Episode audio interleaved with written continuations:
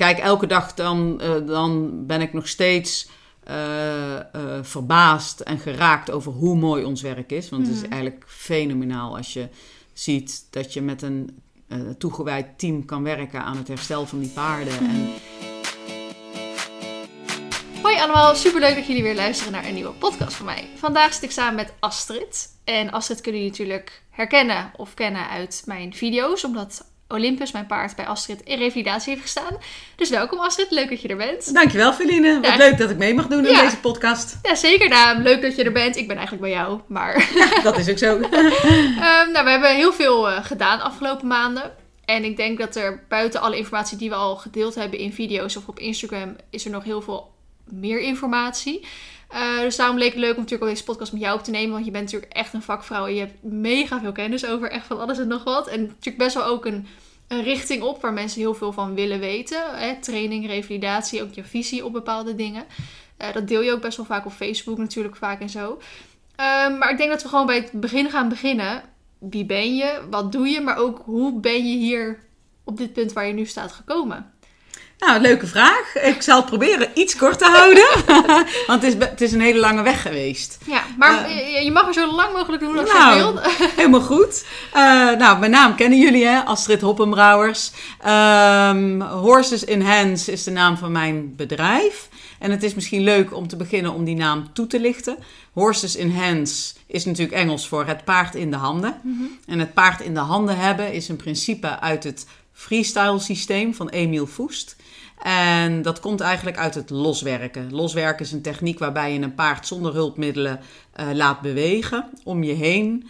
Ehm, en op het moment dat je eh, ja, je hulpen eigenlijk zo verfijnd kan geven dat ze bijna onzichtbaar zijn, dan heb je het paard in de handen. Dat betekent dat, dat je bijvoorbeeld nou, een hele kleine beweging maakt van een hand en hup, hij gaat uitstrekken en je eh, richt je andere hand ietsjes op en hij komt weer terug in de verzameling. Dat is een heel mooi gevoel als je dat eh, kan bereiken. Maar dat is ongeveer hetzelfde als het eh, bereiken van een durchlessig paard in de dressuur. Dus je Eh, hebt het niet een, een durchlessig paard. Ken je dat? Wat dat betekent? Het, dat is een hele goede vraag. Dat is eigenlijk hetzelfde. Eh, dat is het principe uit het eh, Scala der Ausbildung van de dressuur. Waarbij een paard ook weer zo verfijnd aan de hulpen staat dat als je een ophouding op je teugel geeft, dan schakelt hij van achteren door en dan vangt hij zichzelf op en dan geeft hij Ah, na aan de voorkant. En dat, dan heb je eigenlijk ook die situatie waar iedere ruiter van droomt. Hè? Ja. Dat paard dat met onzichtbare hulpen hè, de moeilijkste oefeningen uit kan voeren in de dressuur. Ja. Dus ja, het is niet iets wat je zomaar hebt. Ook het Nee. paard in de handen hebben, hè, dat kost veel tijd, eh, veel inspanning, veel training om dat eh, voor elkaar te krijgen. Mhm. Maar komt dat ook oorspronkelijk uit Duitsland dan? Dat het een Duitse benaming heeft? Ja, dat doorglässigheid komt eh, uit het Scala der Ausbildung. Dat is eigenlijk een, ehm, een, een- een- ja, dat, dat is een Duits eh, systeem, of een, Duits, een Duitse methodiek.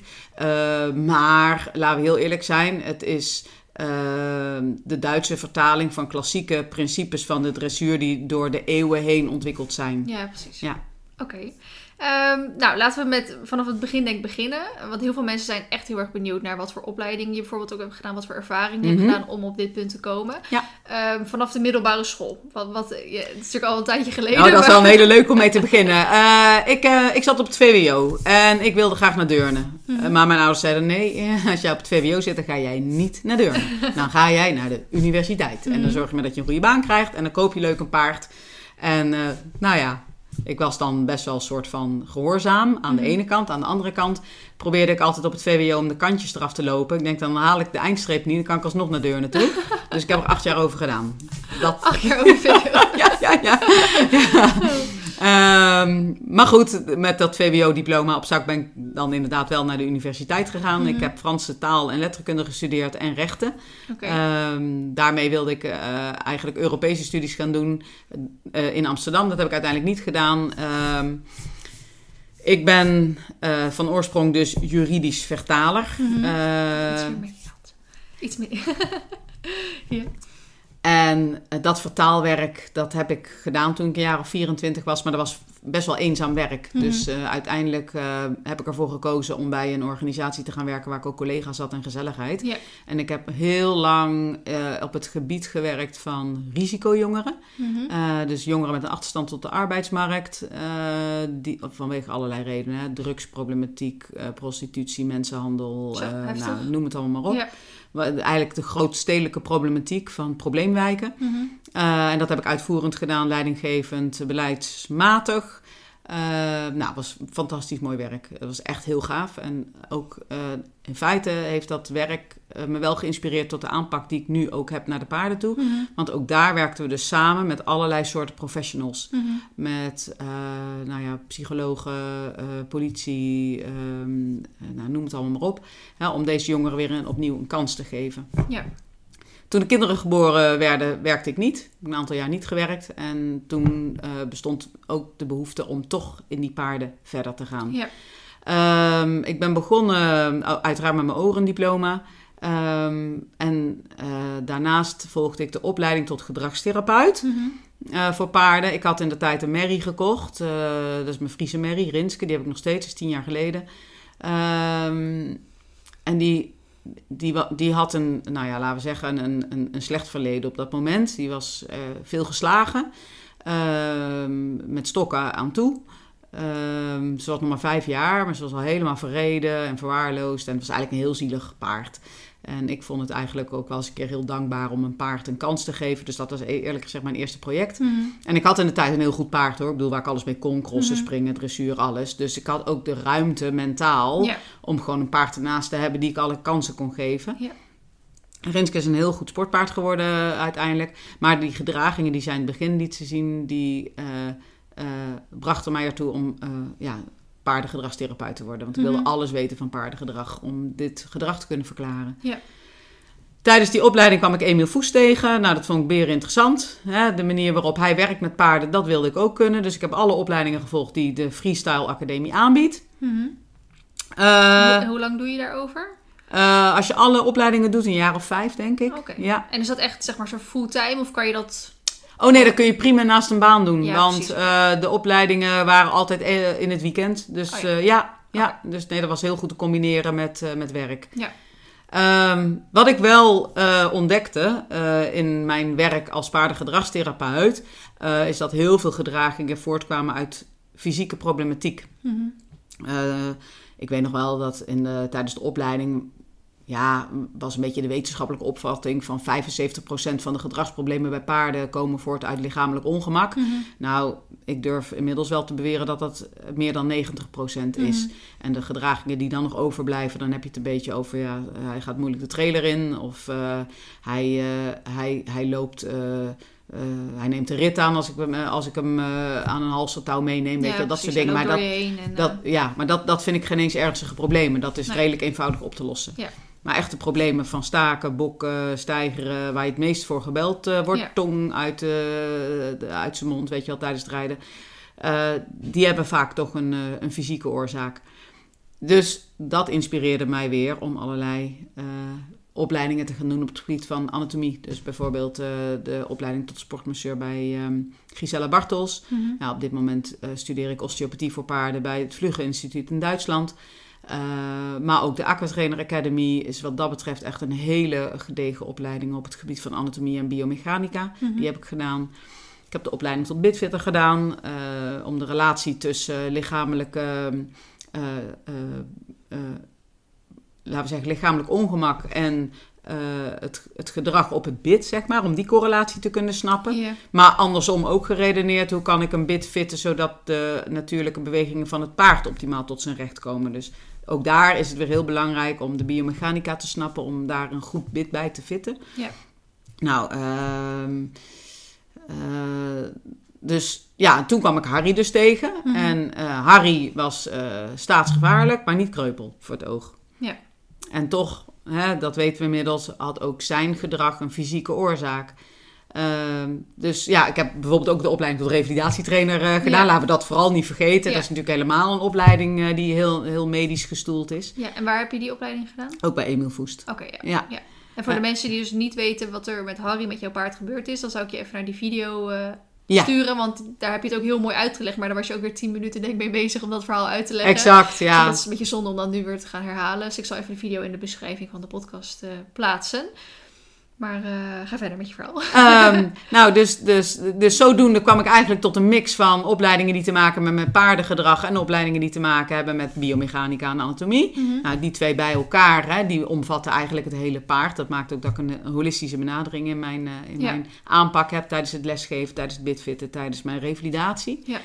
Ehm, ja, en eh, wat ik ook nog heb gedaan in de paarden is een opleiding tot paardenmakelaar en taxateur. En dat heeft er alles mee te maken dat ik de paardenhandel wilde doorgronden. Want als je economie hebt gehad op de basisschool, op de basisschool, op het VWO, dan kun je die paardenhandel niet verklaren. Dus Nee. er gaan, zijn hele andere mechanismes die daar een, eh, een, een, een invloed hebben. Mhm. En dat vond ik interessant. Ook vooral omdat ik eh, de invloed van de paardenhandel zie op eh, de manier waarop er getraind wordt. Hè? Mhm. Dus eh, met andere woorden, ik zie een hele duidelijke link naar mijn revalidatiepraktijk. Want ik zie veel fout gaan omdat eh, geld een perverse prikkel uitoefent op, op de sport en op het paardenwelzijn. Dus ik wilde dat kunnen verklaren. Hè? Hoe, hoe zit dat in elkaar? En wat ik met die kennis doe, is mensen begeleiden in de aankoop van een paard. Ja. Hè, dus dat ik mensen een, een, een neutraal advies kan geven ten aanzien van de gezondheid van het paard, eh, de kwaliteit van het paard en de prijs. Ja, precies. Oké. Ehm, nou, toen heb je de revalidatieopleiding gedaan. Ja. En hoe ben je dan uiteindelijk bij een eigen praktijk gekomen? Ja, dat is wel heel leuk. Kijk, mijn paard eh, Harry, die heeft eh, in deze praktijk, ik denk ongeveer een jaar of twee gestaan. Toen was de praktijk nog van Morgan Leslie. Mhm. En Morgan die vroeg in augustus 2018 of ik haar praktijk over wilde nemen. Eh, en dat wilde ik natuurlijk heel erg graag. Want dat denk ja, dat is een kans die komt maar één keer in je leven voorbij. En dan zeg ik gelijk ja. Ja. Ik woon er ook ongeveer naast. Ja, dus dat scheelt ook. Hè? Ja. Dus dan denk ik, hoe mooi kan het zijn? Ja. En het mooie is dat Morgan Leslie ook nog steeds als dierenarts verbonden is aan mijn praktijk. Hè, dus eh, zo, ja, zo is de cirkel eigenlijk rond. ja, precies. En hoe bevalt het eh, op de locatie? En, eh, Ja, kijk, elke dag dan, dan ben ik nog steeds verbaasd en geraakt over hoe mooi ons werk is. Want het is Mhm. eigenlijk fenomenaal als je ziet dat je met een toegewijd team kan werken aan het herstel van die paarden. Mhm. En, en ook het patroon van blessures waarmee die paarden komen vertelt ontzettend veel over eh, het leven van die paarden dat ze Ja. geleid hebben. De manier waarop ze getraind zijn, wat ze hebben meegemaakt. En eh, die kennis, die eh, neem ik weer mee in dat andere gedeelte van mijn werk. Dat is namelijk de instructie, hè, Ja. om, om paarden heel te houden. Dat vind ik Mhm. echt het allerbelangrijkste. En ja, het feit dat we met z'n allen deze, deze kennis kunnen verzamelen... is natuurlijk schitterend. Het is gewoon echt super mooi. Ja, en hoe bevalt het om überhaupt zeg maar, zo'n groot bedrijf eigenlijk te runnen? Is Ja. dat, was dat niet best wel een, een, een stap in één keer om zoiets over te nemen? Ja, dat is echt e- enorm. Eh, je, je neemt daarmee een enorme verantwoordelijkheid op je schouders. Vooral ook omdat ik zes man personeel heb. Ja. Eh, ik heb verantwoordelijkheid voor mijn kinderen en ik heb verantwoordelijkheid voor mijn paarden. Maar daar komt ook het personeel bij. Ja. En eh, linksom of rechtsom, die salarissen moeten gewoon betaald. Elke maand weer. Dat betekent dat je zelf ook snoeihard moet werken om te zorgen dat jouw bedrijf überhaupt bestaansrecht heeft. Dat de klanten komen. Mhm. dat, eh, ehm, eh, en dat, is, dat gaat altijd maar door. Dat is gewoon zeven dagen in de week. Ja. Dat, dat is niet af en toe eventjes denken, oh, vandaag niet. Nee, Nee. er is maar één weg en die is vooruit. Ja. En dat, dat is even wennen als Ja. je net ondernemer bent. Ja, dat snap ik inderdaad. En wat voor paarden komen jullie het meeste tegen, denk ik, zeg maar, met wat voor problemen? Eh, wij komen veel wervelkolomproblematiek tegen en we komen veel peesblessures tegen. Mhm. En specifiek veel tussenpees aanhechtingsproblematiek. Oké. En zijn er ook bepaalde dingen die jullie niet kunnen helpen, zeg maar? Dat, je, dat er een paard binnenkomt of dat er iemand naar jullie toe komt, joh, mijn paard heeft hier last van. En dat je dan zegt, nou, sorry, maar daar kan ik niks mee. Absoluut. Dat, eh, ja, dat, dat komen we regelmatig tegen. Mhm. Ehm, neem bijvoorbeeld eh, artrose in de ondervoet. Mhm. Een, eh, hè, dus, dus artrose in het hoefgewricht of in het kroongewricht, respectievelijk lage overhoef of hoge overhoef. Zo vind je dat vaak terug in de literatuur. Dat zijn problemen die nog wel eens onopgemerkt blijven bij de eigenaar. Eh, het paard gaat eh, door pijnlijke voeten eh, afwijkend bewegen. Mhm. Hij gaat op een manier bewegen zodat het zo min mogelijk pijn doet. Mhm. Wij noemen dat compenseren. En je krijgt daardoor eigenlijk een paard die ja, beperkt beweegt, hè, met een beperkte kwaliteit. Daardoor ontstaat vaak een stijve rug. En eh, de eigenaar denkt, nou, mijn paard heeft toch wel wat last van zijn rug. Laat ik hem eens laten aqua trainen. Mhm. eh, want dan kan ik die rug soepel maken. Nou, Ja. eh, dat is een hele goede gedachte. Alleen Mhm. blijkt dan wel vaak, op het moment dat die rug soepeler wordt... Dan valt dus in feite de compensatie weg. Ja. En blijkt het paard dus kreupel aan één of meerdere voeten. Eh, en ja, helaas aan eh, artrose in de ondervoet, eh, daar kunnen wij niks aan doen. Dat is overigens ook werk van een dierenarts. Hè? Dus, dus dat is ook denk ik heel belangrijk dat mensen zich realiseren dat wij niet degene zijn die een paard genezen. Ja. Dat doet de dierenarts. Ja. Maar wat wij wel doen, is een paard weer opnieuw leren om in balans te bewegen. Ja. En dat is belangrijk om in de toekomst blessures te voorkomen. Eh, en zeker ook hè, om te voorkomen dat hij weer terugvalt in zijn oude blessure. En heb je ook wel eens een ja, slecht nieuws bij een eigenaar moeten brengen? Ja, wij, dat komen we ook tegen, helaas. Eh, paarden die in feite al eh, behoorlijk geblesseerd zijn. waarbij er ook vaak sprake is van een recidiverende blessure. Dus een blessure die steeds terugkomt. Mhm. En dan denken mensen nog wel eens van, nou oké, laten we dan nog in het laatste geval maar eens een revalidatiecentrum proberen. Mhm. Maar, heel eerlijk gezegd, dat is de verkeerde redenering. In Ja. feite zou je een revalidatiecentrum in de arm moeten nemen op het moment dat hij voor de eerste keer Ja. eh, geblesseerd is Ja. in een beginstadium. Want heel veel blessures, bijna allemaal die wij tegenkomen, komen voort uit overbelasting in de sport. Ja. En dat klinkt hard, Mhm. en dat is niet per se verwijtbaar, Mhm. maar het is wel de realiteit. Ja. En op het moment dat een paard dus kenmerken toont van overbelasting, pijn heeft, geblesseerd is, dan is eh, op dat moment is er nog tijd genoeg om het om te keren. Om te zeggen, oké, deze blessure gaan we behandelen Mhm. door de dierarts. We gaan het paard daarnaast revalideren. Dat Mhm. betekent dat hij weer terugkomt in een gezonde manier van bewegen. Mhm. En daarin coachen we dan ook de eigenaar om dat in zijn eigen training ook vol te houden. Ja. Nou, dan zien we als het goed is zo'n paard nooit meer terug. Ja. Maar op het moment dat die cirkel niet doorbroken wordt, die visieuze cirkel van overbelasting, en het paard komt pas bij ons op het moment dat hij eigenlijk helemaal uitgecompenseerd is. Mhm. En er is hè, ook de compensatie heeft weer geleid tot nieuwe blessures. Mhm. Dat er eigenlijk een complex patroon is ontstaan. Ja, dan kan het wel eens zo zijn dat het gewoon te laat is. En Ja. dat het lichaam niet meer functioneel is om weer gezond te gaan bewegen. Oh, Ja. Dat lijkt me echt... eh, Ja, maar het, het is ook wel weer... Een, een, ik, het is een wat, wat ik zelf zoiets had van... Ik wist niet eens dat dit bestond, zeg maar, revalideren. En Mhm. ik vind het wel mooi dat wij nu met de video's... en met jou, natuurlijk met je eigen gigantische bereik... wel kunnen laten zien dat dit een mogelijkheid is. Ja. En dat dit kan. En dat, je dat, dat het inderdaad vaak is dat je paard niet opgegeven hoeft te worden. Exact, exact. Maar als je er maar op tijd bij bent... en er op tijd soort van er iets mee eh, gaat doen. Dat is een, eh, heel belangrijk wat je daar aangeeft. Er op tijd bij zijn. En tijd is eigenlijk de allerbelangrijkste factor als je Ja. praat over revalidatie. Op tijd erbij zijn. Ja. Maar vooral ook de tijd nemen Ja. om het te laten herstellen. Want weefsel hè, heeft gewoon fysiologisch gezien een bepaalde hersteltijd.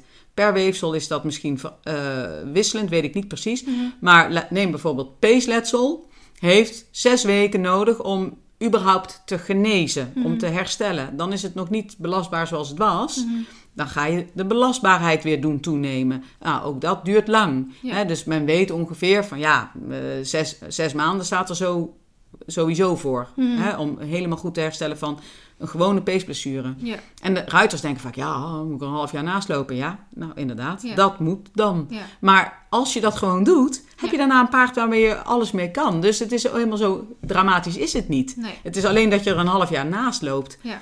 Nou, die, als je, ik vind heel eerlijk gezegd, als je een paard koopt, moet je bereid zijn om Ja. dat Nou, offer te kunnen Ja, brengen. Dat heb ik dus ook heel vaak inderdaad. Ik Ja. denk, mijn paard is mijn kind. Ja, Ik denk als mijn toekomstige kind, en jij hebt natuurlijk kinderen, als, als, als die wat hebben, dan ga ik ze ook niet in laten slapen. Of dan ga ik ze. Voor heel veel mensen is dat natuurlijk ook anders. Dan kunnen we ze niet verplichten om hetzelfde te denken zoals wij erover denken. nee. Maar, ik heb, ja, maar je, je verstuipt toch zelf ook een keer je enkel. Of je, je Ja. breekt ook een keer een arm en zo. En dan Ja. mag je toch ook rustig af. Dus denk, waarom wil je je paard dan niet die tijd? Maar zo, zo werkt het inderdaad. Eh, Precies hetzelfde. En ook nog eens een keer met dat verschil dat als wij met een verstuikte enkel kunnen prima op school zitten of op, eh, of op kantoor, want Ja. dan belast je het niet. Mhm. Maar paard is altijd aan het sporten, is altijd een atleet, ook als het een recreatiepaard is.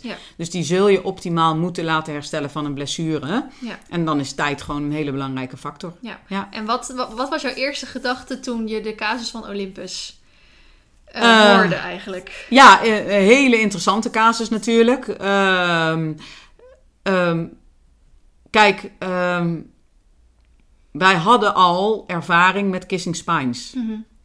Dat is, we doen dat natuurlijk vaker. En als je ook weer puur fysiologisch, biomechanisch kijkt, dan weet je als we die rug sterk genoeg krijgen, dus de omringende spieren van de wervelkolom sterk genoeg krijgen, opdat die te alle tijden die doornuitsteeksels uit elkaar kan houden, Mhm. dan hoeft kissing spines niet een proces te zijn wat per definitie tot pijn leidt. Ja. Zeker als het proces zelf van botvorming niet meer actief is. Mhm. Ehm, en eh, ja, dan is, vind ik, in, in feite elke casus interessant hè, om mee aan de slag te gaan. Ja. Ehm, en wat natuurlijk heel kansrijk was van jou, is dat jij bereid was om hem de tijd te geven. Ja. En dan durf ik zo'n proces ook in te gaan. Overigens natuurlijk in het begin heel duidelijk aangegeven, we weten het ook niet. Nee. Hè? Want elke casus is anders. Ja. Maar we weten ook uit de literatuur dat kissing spines, on- ondanks wat men allemaal denkt, helemaal niet het einde van de wereld hoeft te zijn. Mhm. Hè, maar het is wel, ja, als je ermee aan de slag gaat, dan moet je het goed doen. Ja. En dan is tijd belangrijk. Nou, jij was bereid om die tijd te geven. Hè, en wij hadden natuurlijk alle technieken in huis om het paard zodanig te trainen hè, dat hij ook sterk genoeg werd om die rug goed, eh, goed Ja. te gebruiken. Ja. Nou, dat, eh, dat lijkt geluk. Ja, ik vind het wel, wel grappig dat je nu zegt zeg maar, over tijd. Omdat de dierenarts mij toen de tijd natuurlijk het advies had gegeven... zet hem maar anderhalf jaar op de wei Ja. en dan zien we wel verder. Ja, En denk ik nu... Dan zou je dus over anderhalf jaar spreken. Dan zou hij dus nu nog geen jaar op... de- Hè, als we van nu spreken, zou hij nog geen jaar er staan. Dus dan Mhm. zou hij nog best wel flink moeten. En denk hij ging nu revalideren. Nu natuurlijk op advies van een andere dierenarts. ja, En eigenlijk zijn we sneller klopt. op het punt waar we uiteindelijk wil- wilden komen. Helemaal. maar. Dus uiteindelijk met revalideren kom je misschien dan weer soort van sneller. naar- eh, zet maar op de wei en Exact. Eh zet op de wei is natuurlijk een veelgehoord advies. Mhm.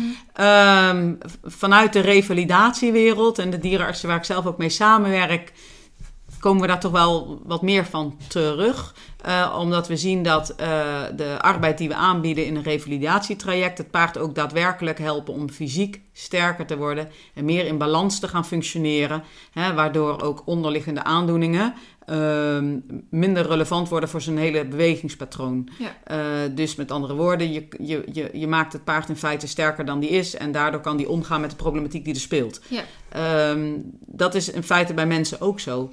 Ehm, als je als mens een, een bepaalde aandoening hebt, eh, dan eh, zal je daar veel meer last van hebben als je een inactief leven leidt. Mhm. Terwijl, hè, we kennen allemaal wel die marathonloper van 76 jaar met artrose in zijn knieën, die daar totaal geen last van heeft, omdat hij elke dag in beweging blijft. Ja. Kijk, en een paard in de wei beweegt wel, Mhm. maar niet altijd in optimale zin. En daar zit het verschil. Ja, wat natuurlijk bij Olympus was, eh, waar voor mij voor als, als hij stond al twee maanden op de wei en toen vertelde dus iemand tegen mij, ja, maar hij staat in extensie, zoals jij dat Ja. noemde. Dus als je hem anderhalf jaar lang op de wei zet terwijl hij zijn lichaam verkeerd gebruikt, Precies, zal het alleen maar erger gaan worden. Dus Eens. leuk dat je hem op de wei zet, eens. eh, maar dat zal waarschijnlijk dus alleen maar erger worden. Dat is absoluut een risico. Ja. Dat, dat, dat is absoluut een risico. Eh, hij zal zichzelf niet corrigeren in de houding die hij eh, ontwikkeld heeft. Ja. Hè? Want die extensie was natuurlijk een compensatiehouding. Ja. Waarvan weten we niet. Hè? Maar daardoor hè, kan die eh, kissing spines ontstaan Ja. zijn. En voor de mensen die niet, niet weten wat extensie betekent, dat is dat je met weggedrukte rug Ja, en met een hele hoge hals eigenlijk, weet je, zoals ik dus hem altijd zeg, als, als een soort giraf. exact. Met een holle rug. ja, met een holle rug. Dan is de bovenlijn van je paard hol. Ja. En we willen natuurlijk liever dat die bovenlijn, laten we zeggen, bol is. Hè? Of in ieder geval vlak. Ja. Ehm, eh, dus, dus ja, dat, dat, dat, is, eh, dat is iets wat hij zichzelf nooit aangeleerd zou hebben. Ja, daar was onze training op gericht. Ja. En wat je dan ook kan krijgen is dat, eh, even los van de houding, Mhm. eh, kan het ook zijn dat het ziekteproces, eh, dus de artrosevorming, in die houding actief blijft. Dus die rem je ook niet af. Nee. Ja, en dat vind ik ook een belangrijk aspect van revalidatie. Dat we natuurlijk ook altijd de input van een dierenarts hebben. Elke week worden Ja. de paarden nagekeken. Ja. En als een dierenarts het niet vertrouwt en denkt... Hmm, hier is nog iets actiefs aan ten grondslag... dan kan dat ook eh, op echo inderdaad eh, nagekeken worden. Ja. En indien eh, nodig kan het dan ook weer behandeld worden, Ja. veterinair. Ja. Dat is ook een belangrijk onderdeel van revalidatie. Ja, inderdaad. Eh, nu is het denk ik wel handig om er altijd bij te zeggen dat eh, revalidatie niet een soort eh, sprookje is, weet je wel, dat Nee. het er ook kan. eh, want eh, met kissing spines, heel veel mensen denken dat het... eh, eh, we hebben een anonieme beller. Eh, heel veel mensen denken En in eerste instantie dat kissing spines gelijk staat aan inslapen. Nou, we hebben buiten dat we het tegendeel bewezen hebben, uh, blijkt jij als, als kennishebber ook te weten dat dat dus niet zo is. Maar er zijn ook gevallen ehm, waar het gewoon niet kan. Exact. En niet alleen met kissing spines, maar ook met een ander, ander soort blessures. Het Helemaal. niet altijd dat revalidatie altijd eh, je paard beter gaat. Maar ik kreeg namelijk ook wat vragen ingestuurd. Uh, mijn paard loopt al uh, een jaar lang kreupel. Wat kan ik doen om hem Exact. weer beter te maken? Ja. En dan denk je, ja, maar dat, zo werkt het niet. zo werkt het niet. Nee. Ik vind het een hele goede vraag. Ik ben blij dat je hem stelt. Ehm, die vraag die krijg ik natuurlijk heel veel. Ook omdat ik Harry heb gerevalideerd. Eh was natuurlijk ook een lang verhaal Ja. en complex en moeilijk. En ook naar aanleiding van Olympus krijgen we natuurlijk ook heel veel vragen van... oh, maar die kunnen alles. Maar Ja. zo werkt het niet. Nee. Het is, hangt heel erg af van de onderliggende problematiek. Neem eh, Harry als voorbeeld eventjes. Eh, Harry was binnen zes weken overbelast geraakt door het werk... waardoor hij ontstekingen in zijn lichaam had... zonder dat er sprake was van verandering. Zou ik Harry op de wei hebben gezet... dan zouden die ontstekingen mogelijk ook geleid hebben tot artrose... Mhm. en was het onomkeerbaar. Maar bij Harry was het in het stadium waarmee ik begon... allemaal nog omkeerbaar. Nou, dan weet je, dan heeft medisch handelen gewoon zin. Ja. Jouw paard, ehm, de artrose die de kissing spines vormt, is niet omkeerbaar. Maar het zit op zo'n plek dat we kunnen proberen dat hij zijn lijf goed gaat gebruiken. Dat is gelukt. Ja. Bij andere paarden zal dat misschien minder succesvol zijn. Ofwel omdat er sprake is van een ernstiger beeld. Ofwel omdat de paarden minder trainbaar zijn. En ja, ik krijg soms ook wel eens vragen van eh, mensen met paarden waarvan het beeld al zo complex is, dat de kans van slagen nog heel klein is. Dus het is inderdaad heel, belangrijk van wanneer, in welk stadium van blessure leed, Ja. stel je de vraag, heeft revalidatie zin? Ja, precies. En eh, een vraag wat ook heel echt veel voorbij kwam, wat natuurlijk ook best wel logisch is. Ehm, revideren of überhaupt dierartsen überhaupt het hebben Mhm. van paarden kost best wel wat geld. Ja. Maar ook logisch, je hebt natuurlijk een praktijk te runnen, je hebt je personeel te betalen en alles Mhm. wat daar nog omheen komt. Mhm. Eh, ik kreeg best wel wat vragen, wat kan ik een soort van doen? Ehm, wat, ja, als je de financiële mogelijkheden niet hebt en dan spreken we even niet van dat een paard dus echt al helemaal in de kreukels ligt. Want dan denk ik, ja, dan moet je er gewoon echt iets aan doen en dat kost gewoon geld. Eh, wat kunnen mensen eventueel al, al doen om te voorkomen hè, eh, dat blessures komen of dat er misschien een, iets heel lichts is? Hoe je dat eh, zelf misschien een beetje kan doen. Of, of bijvoorbeeld met de equibanden. Wat fantastische uitvinding is natuurlijk. Maar er zit ook natuurlijk weer wat prijskaartje aan. En sommige mensen hebben daar de financiële mogelijkheden Nee, niet voor. klopt. Zijn er bepaalde dingen die je ook kan doen om je paard zo goed mogelijk te ondersteunen? Dus, ja, zonder dat het al te veel geld kost. Ja, vind, vind ik eh, een hele goede vraag. Hij ligt mooi in het verlengde van de vraag daarvoor. Daar wil ik ook nog heel even op terughaken, ook eh, eh, eh, in het antwoord op deze vraag. Ehm, een revalidatiecentrum kan niet toveren, hè? daar hebben we het net Mhm. al over gehad. Eh, we krijgen ook eh, vragen van paarden die al langere tijd geblesseerd zijn. Een dierenarts kan wel heel veel. Ehm, en laat ik vooropstellen, als een paard geblesseerd is, zichtbaar pijn heeft, dan moet je naar een dierenarts. Heel simpel. Ja. Ik ben het verhaal van Harry aangegaan mm, vanuit ehm, eh, ja, een beetje de, de, de eh, beleving die er is in de paardenwereld dat ze veterinair niet zo heel veel kunnen. Hoe vaak hoor je niet in de wandelgang, ja nee, ze hebben alles onderzocht, ja, ze kon het niet vinden, ja nee, moest ingeslapen worden. Dat ik denk van dat is gek, want we leven ver in de 21ste eeuw. Ehm, in humaan is er van alles mogelijk. Weefsel Ja. kan gewoon genezen. Waarom zou dat veterinair niet kunnen? Dat was één hele belangrijke vraag die ik had eh, met Harry. En ik heb de dierenartsen ook carte blanche gegeven. Nou, fantastisch wat er veterinair allemaal kan. Natuurlijk, dat kan net zoveel als humaan. Dus alle mogelijkheden zijn er om een paard te genezen op het moment dat je op tijd aan de bel trekt. Ja. Een belangrijk eh, eh, argument om op tijd aan de bel te trekken is ook dat de kosten dan beperkt blijven. Ik vind het grappig dat je dat nu zegt. Ik moet in één keer denken aan eh, een tijdje terug. ben ik met mijn trailer naar de garage geweest. Ja. Heel iets anders. Ja. Maar die zegt ook, ja, als je gewoon elk jaar een beetje hè, klein onderhoud doet, Ja. Dan ben je, eigen, ben je zoveel goedkoper uit dan als je na tien jaar een keer met je trailer komt en dan moet je in één keer heel veel geld betalen. Dat en dat is precies. misschien een beetje hetzelfde als je er soort van op tijd bij bent. Dan Ja. kan het nog weinig kosten dan dat je soort van al heel ver bent. Ja, en dan in één keer Dat klopt. kom je voor grote uitgaven Dat staan. klopt. Ik laat mijn paarden ook preventief elk jaar even echoen. Ja, dat kost 300 euro, maar dan weet ik, dan, nou, er zit niks. Dus, Ja. dus, hè, en als er wel wat zit, dan, eh, dan is het waarschijnlijk nog in zo'n licht stadium dat je zegt hè, dat de dierenarts kan adviseren, nou, ik zou even rustig aan doen. Ja, En dan doe je een paar weken rustig aan. En Ja. dan laat je het nog een keertje checken. En dan kun je weer door. Ja? En, dan, en dan belast je het paard ook niet met allerlei ingrijpende medisch handelen. En dan, dan ben je het als het ware voor. Ja. Maar goed, even los van de kosten voor de dierenarts. Hè, die ik wel vind dat die in het plaatje van een eigen paard horen. Eh, kun je ontzettend veel doen om te voorkomen dat je die dierenarts nodig hebt. En dat is, zijn twee dingen die je op orde moet hebben. Dat is je training Mhm. en dat is je management. Ja. En ik, een hele mooie uitspraak eh, vond ik van Rien van der Schaft bij een eh, clinic die ik enkele jaren geleden van hem volgde. Toen zei hij, als je echt iets wil doen voor paardenwelzijn, dan moet je gewoon goed trainen. En dan zal de reactie misschien zijn van ja, maar ik ben geen Grand Prix ruiter. Mhm. Dat maakt niet uit. Op elk niveau kun je het goed doen en op elk niveau kun je het verkeerd doen. Ja.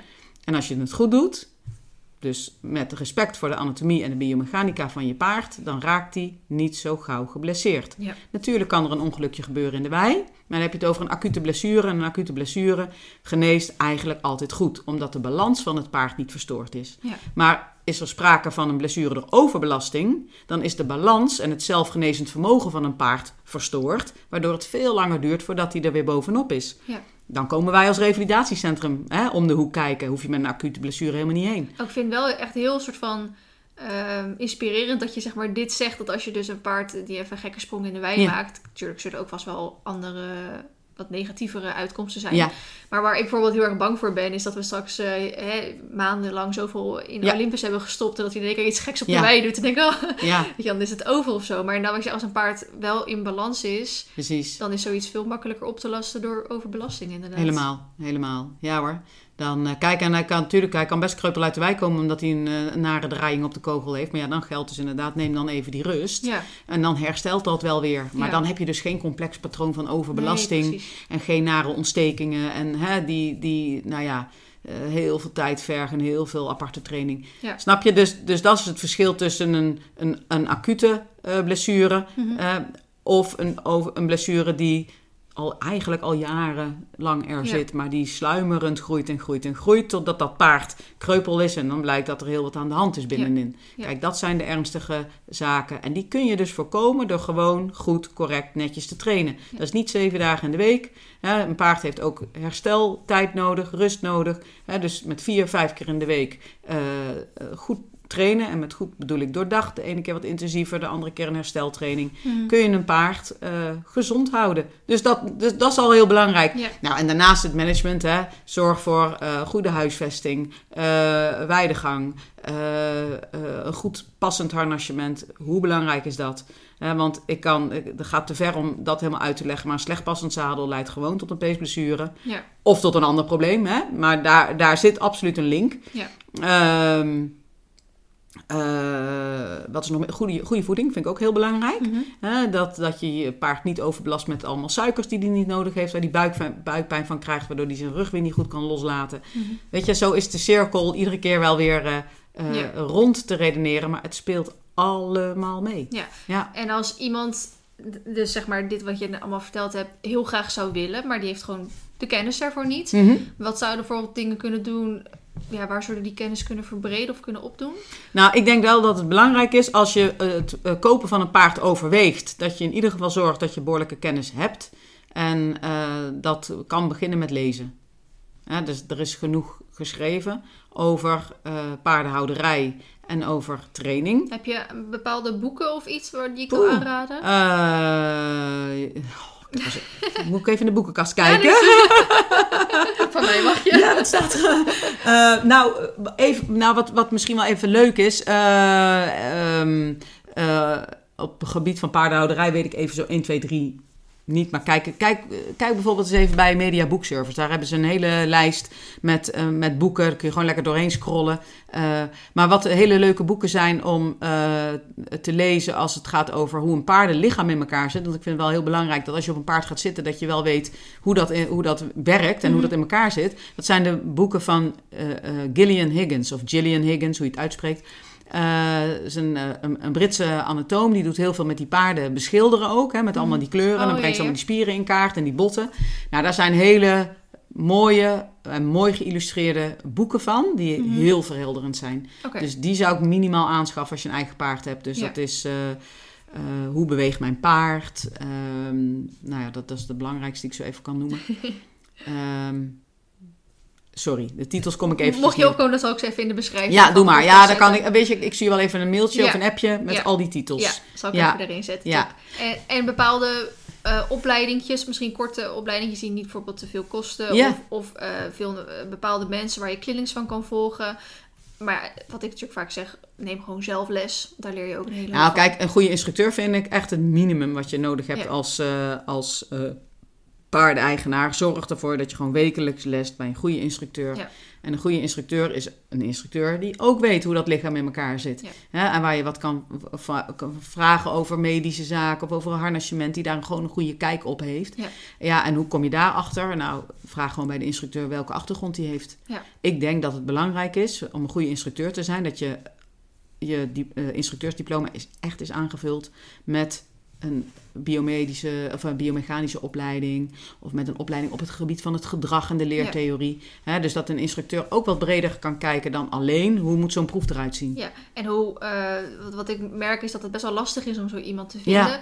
Wat je eventueel kan doen, is bijvoorbeeld iemand die totaal niet bij jou in de buurt woont, eh, maar die wel zeg maar, de visie heeft waar jij les van zou willen. Mhm. Gewoon eens vragen van, joh, ken je iemand toevallig bij mij in Ja. de buurt? Of misschien kent diegene een dierenarts of een hoefsmid of Ja. wat. En die, en die kent dan weer iemand, weet je wel. Zo ben ik bijvoorbeeld bij mijn, mijn natuurlijk bekapper gekomen. Eh, En, en iemand uit Groningen of zo, die zegt, oh, die, ik zou dat ook wel graag willen, maar ik ken niemand hier. Dus mijn natuurlijk bekapper, die kende weer iemand die dan daar Precies. woonde, weet je wel. Dus je kan best eens gewoon via via vragen van wie Ja, raad je aan en wie komt een beetje bij mij uit de buurt. Nou, dat is zeker. Dat, dat, dat is goed dat je dat zo aanstipt. Want ehm, ik, er zijn bijvoorbeeld ook platforms voor. Ik, ik ben zelf bijvoorbeeld aangesloten bij Horse Connect. En Horse Connect is een platform waar wij eh, de, de professionals eh, geselecteerd worden op het gebied van die brede kennis. Ja, Allemaal met- eh, paardenwelzijn als visie. Dus Mhm. of je nou een instructeur zoekt of een, een, een osteopaat of eh, een, een tandarts. Hè, die Ja. weet dat deze mensen samenwerken en allemaal dezelfde visie delen. Dus op die manier kun je ook met zulke professionals je eigen team samenstellen rondom je paard, zeg maar. Mhm. Eh, en eh, een ander platform is bijvoorbeeld Dressage Pro, hè, waar ik Ja. zelf dan ook de opleiding heb gevolgd bij de trainersclub. Nou, ook die mensen die zijn breder opgeleid, hè, onder andere door Rien van der Schaft en Ja. de Morgan Leslie. En die zijn ook goed onderlegd op het gebied van allerlei aspecten die hè, bij het eh, management en de training komen kijken. ja, ja. Ja. En ehm, als we het toch hebben over eh, ja, hè, afstand. eh, je bent de tweede praktijk. Ga je openen? Is Ja. open? Of, Ja. of, wanneer, Nee, ja, dat is, dat is allemaal in voorbereiding. ja, Dat- ja, ja, ja, Mogen- ja, Dat ja. mogen ze wel weten. En zo. Dat mogen ze weten, ja, dat, dat is al in de media geventileerd, dus kan, dat kan je kan. daar wat meer over vertellen? Ja, dat kan. Ik ben aangesloten bij Vira. Eh, en Vira is een, ook een platform voor ondernemers. Eh, waarbij hippische ondernemers zijn aangesloten. En andere ondernemers die de paardensport een warm hart toedragen. Eh, je kunt als ondernemer aansluiten door een partnerschap aan te gaan. En dat heb ik vorig jaar gedaan. Mhm. Ehm, ik, eh, ik heb een persoonlijk. nou, laat ik zo zeggen. Ik had een, een kennismakingsgesprek. Dat zou een zakelijk gesprek zijn. Maar dat werd een heel prettig persoonlijk gesprek. Mhm. Omdat de mensen die Vira hebben opgericht. exact dezelfde visie hebben als ik op het gebied van paardenwelzijn. Mhm. En dat is namelijk het, bun- het bundelen van mensen die die visie ook weer uitdragen. Zodat je vanuit verschillende invalshoeken eh, dat paardenwelzijn kan ondersteunen. En ik doe dat natuurlijk in het klein op mijn eigen praktijk. Ja. Maar zij doen dat heel groot. Ja. Eh, ook met, met veel eh, media exposure erbij. En nou, weet je, dat klikte zo. Alleen al op inhoudelijk vlak dat ik, hup, ik ben gelijk dat partnership, eh, partnership ben ik aangegaan. Mhm. Eh, gewoon met een heel goed gevoel erbij. En ehm, dat gaf mij als ondernemer ook hè, de mogelijkheid om gebruik te maken van hun mediakanalen.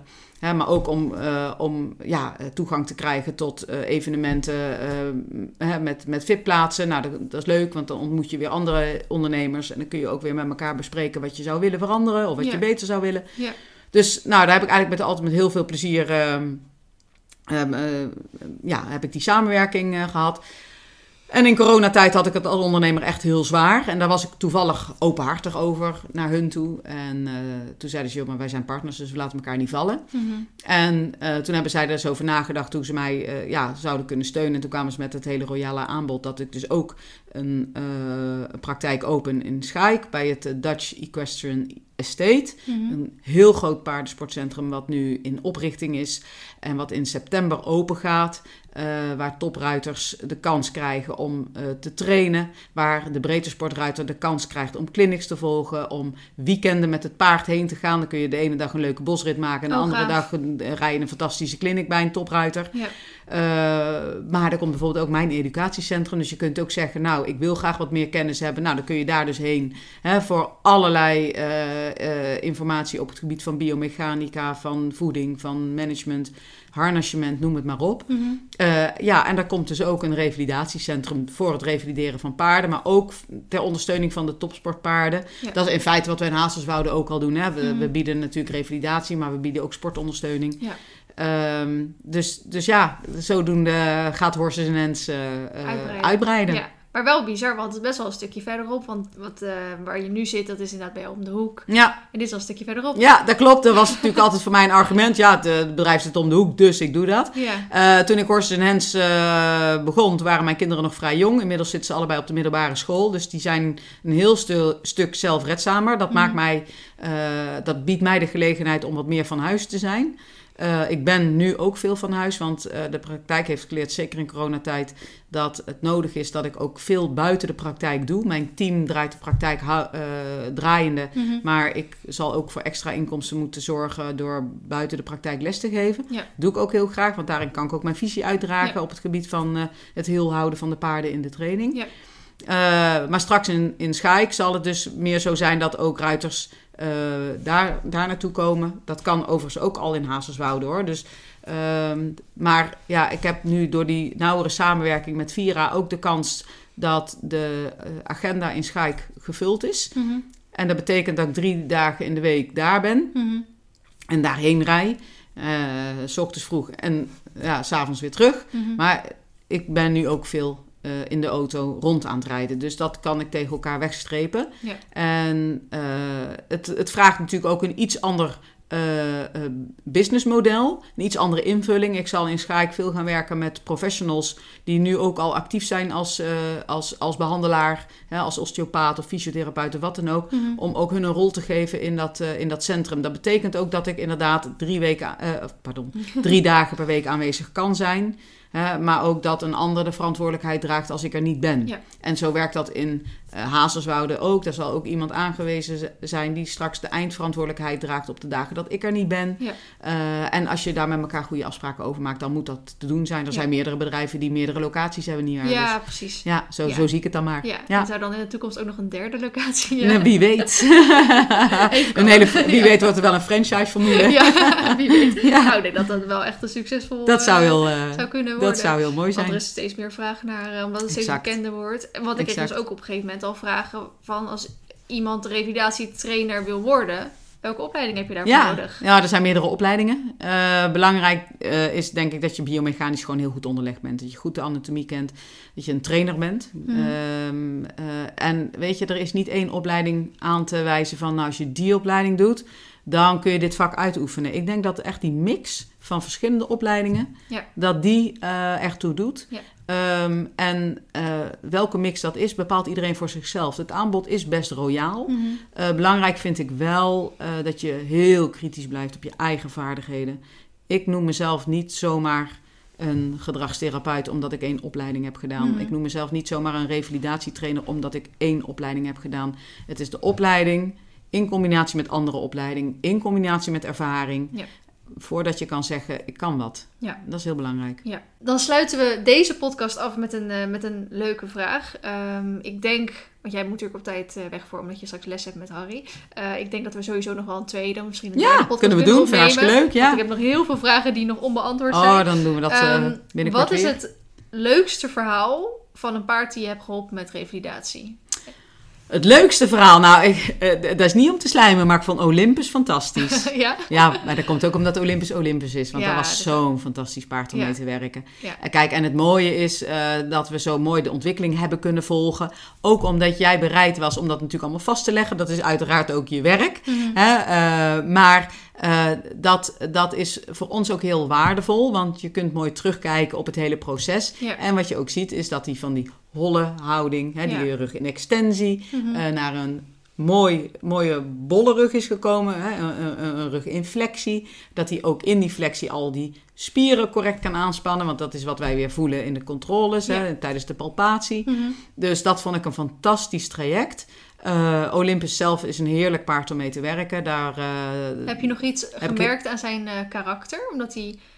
Ik, Nou- ik merk dat hij veel liever is Ja, geworden klopt. namelijk. Kijk, Olympus is een scherp paard. Ja. Een paard met veel temperament, veel werklust. Op het moment dat een paard met zo'n temperament die werklust niet helemaal kwijt kan, Mhm. omdat die beperkt is door een blessure, dan gaat dat zich een beetje wreken. Hè, eh, en, en vertaalt zich dat in allerlei, ja, net even van dat gedrag wat Ja. niet helemaal Ik wenselijk heb is. inderdaad ook gezegd van? Olympus is niet het paard om met pensioen te doen. Hè? Nee, helemaal nee, vervroegd met nee, pensioen die, te moet doen. je, die moet je laten Hij werken. was natuurlijk ook nog te jong om eigenlijk echt ingereden te worden. Ja. Maar, maar ik zei ook, daarom was ik ook iets eerder begonnen met het inrijden dan ik oorspronkelijk bedacht had. Maar ik denk, ja, dat paard verveelt zich, die moet iets ja, gaan doen. en ook dit, dat inrijden is, is juist voor zijn rug heel goed. Dat klinkt misschien tegenstrijdig, maar em, juist onder het zadel kun je die rug zo mooi trainen. Hè, als je het goed doet, op, nou ja, je hebt, je hebt ook goede begeleiding ook weer van Gert van den Horen Mhm. natuurlijk. Die kan dat als geen ander vertellen hoe je, hoe je een paard zijn rug goed laat bewegen. Eh, en da- daarom is het heel, heel goed juist dat hij onder het zadel is. Maar eh, ja, weet je, het- het- het- ik hou van dit soort karakters. Hè? En op het moment dat ze dan even niks doen, nou, dan lopen ze net eens een keer even te drammen. en eh, net, denken ze net eens een keer zelf van, nou, ik ga die kant op. Maar dat vind ik allemaal geen probleem. Dat vind ik allemaal niet erg. Wel is het een paard waar je, vond ik ook, hele duidelijke afspraken kan, mee kan maken. Dit mag wel, dat mag niet. Ja. Ja, en gaandeweg die meer in de arbeid kwam, werd hij natuurlijk zo meewerkend... dat je hem al bijna niet meer hoefde te corrigeren. Ja. dus dat, dat was een heel fijn paard om mee te werken. Ja. Nou, onlangs heb ik ook een heel fijn paard gerevalideerd. Die eh, is eigenlijk altijd op de verkeerde manier gereden, van voor naar achter. Had eh problemen met SI en probleem met de tussenpeesaanhechtingen. Een patroon wat wel bij die manier van rijden past. Ik zeg Mhm. niet dat het één op één met elkaar gecorreleerd is, maar de kans is wel heel groot. Mhm. Het paard durfde gewoon niet meer te bewegen. Die durft gewoon echt niet meer aan te draven. Die denkt, ja, dat doet pijn. Mhm. En die hebben we dus ook weer geleerd om van achteren naar voren te bewegen. En dat is Ja. een goed paard geworden. Dat is niet normaal. Oh. Ja, dat is echt bizar. Dat is een feestje om op te rijden. Eh, en dat, vind ja, dat zijn natuurlijk eh, hele fijne, mooie Ja. verhalen. Ja. Ja. Nou, super. Dan sluiten we hem daarbij af. Heel erg bedankt in ieder geval voor eh, alle informatie die je tot nu toe wilde delen. Maar volgens mij, wij kunnen, zeker jij, die kan nog uren doorpraten in ieder Zeker. geval. Dus we zeker. gaan zeker een keer een deel 2 of 3, 4, Ja, hoeveel heel graag. we ook willen gaan opnemen maken. Dus bedankt voor nu. En laat zeker allemaal even voor de luisteraars achter in jou of mijn Instagram DM wat je ervan vond. Of waar je eventueel nog meer informatie over wil weten voor de volgende keer.